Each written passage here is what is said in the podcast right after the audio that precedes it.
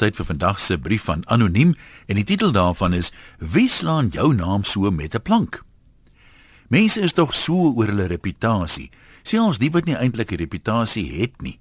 Die probleem is dat bitter min mense van jou dink wat jy van jouself dink of wat jy dink hulle van jou dink. Ek reken is beter om liewer nie te weet nie.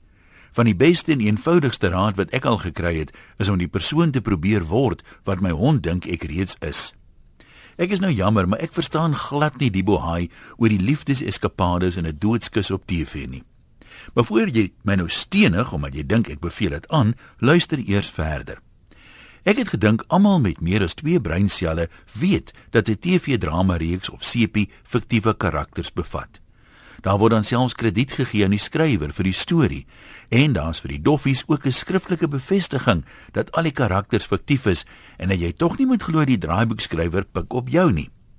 Vir die wat dit nie gesien het nie, daar's in 'n huidige TV-storie 'n skeielike karakter wat 'n begrafnisondernemer en 'n prokureur is wat soms mm, kafoefel in sy doodskiste. Daarom nie lee is wat nog wag om gevul te word. Dis lelik, dis gaga, dis onchristelik en is verwerplik en dis fiksie, net soos enige misdaad fiksie fiksie is. Maar nou is die begrafnisbedryf up in arms omdat hulle glo die karakter skaad die hele bedryf se reputasie. Die feit dat hy ook die dorp se enigste prokureur is, het blykbaar die prokureursberoep verbygegaan. Of hoekom is hulle nie ook beswaard nie? Ek weet nie hoe slim is mense wat in die begrafnisbedryf werk nie, of is dit 'n geval van the lady doth protest too much? Wat verstaan hulle nie van fiksie nie? Daar skelm dokters in TV-reekse, party steel drugs en pers mense af, maar die mediese bedryf is nie bang almal gaan nou glo alle dokters is heeltyd op 'n trip nie.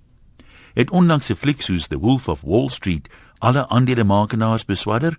het die Spuitflix privaat skole 'n slegte reputasie gegee. En as 'n speurder in 'n misdaadroman te veel drink, slaan hy nou alle speurders se name te plank.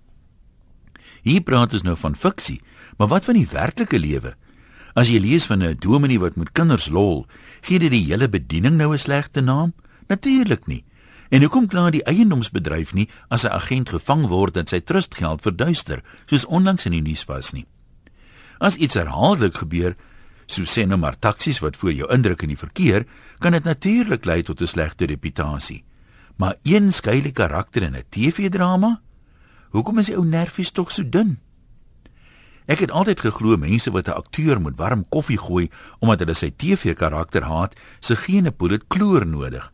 Maar dalk is dit nie 'n belediging vir die arme siele sonder breinwiele nie, maar eerder 'n kompliment vir die akteur wat werklik sy karakter geword het. Maar nou ja, As jy dalk ook glo jy gaan 'n gebruikte kus kry, moet jy miskien maar self een maak en hom in plastiek toedraai tot die groot dag aanbreek. Groete van kus tot kus. Anoniem.